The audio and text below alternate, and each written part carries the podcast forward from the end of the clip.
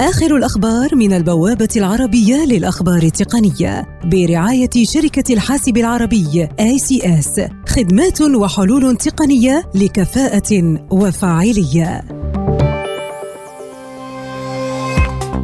فريق الذكاء الاصطناعي التابع لشركة فيسبوك يطور تقنية جديدة باسم Vid2Play تستخرج شخصيات يمكن التلاعب بها من مقاطع الفيديو لأشخاص حقيقيين وذلك بهدف تطوير الألعاب من خلال إعادة إنشاء تلك الشخصيات والتحكم فيها. منظمون فيدراليون في الولايات المتحدة يناقشون كيفية مساءلة مارك زوكربيرغ الرئيس التنفيذي لشركة فيسبوك إذا ما كان مسؤولا شخصيا عن سوء إدارة البيانات الخاصة بالمستخدمين وفق شبكة إن بي سي نيوز.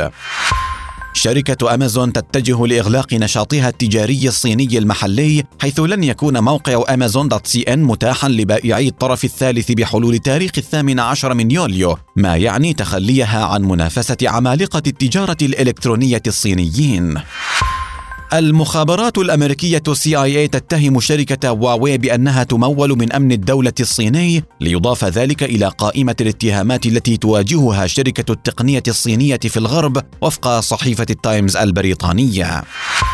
شركة سبيس إكس تقول إن مشكلة حدثت في واحدة من كبسولات كرو دراغون أدت إلى احتراقها أثناء اختبارات المحركات في محطة كيب كانافيرال الجوية في ولاية فلوريدا الأمريكية.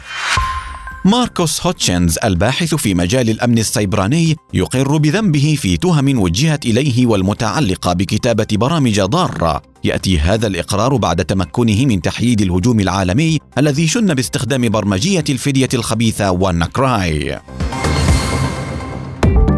آخر الأخبار من البوابة العربية للأخبار التقنية برعاية شركة الحاسب العربي ACS خدمات وحلول تقنية لكفاءة وفاعلية.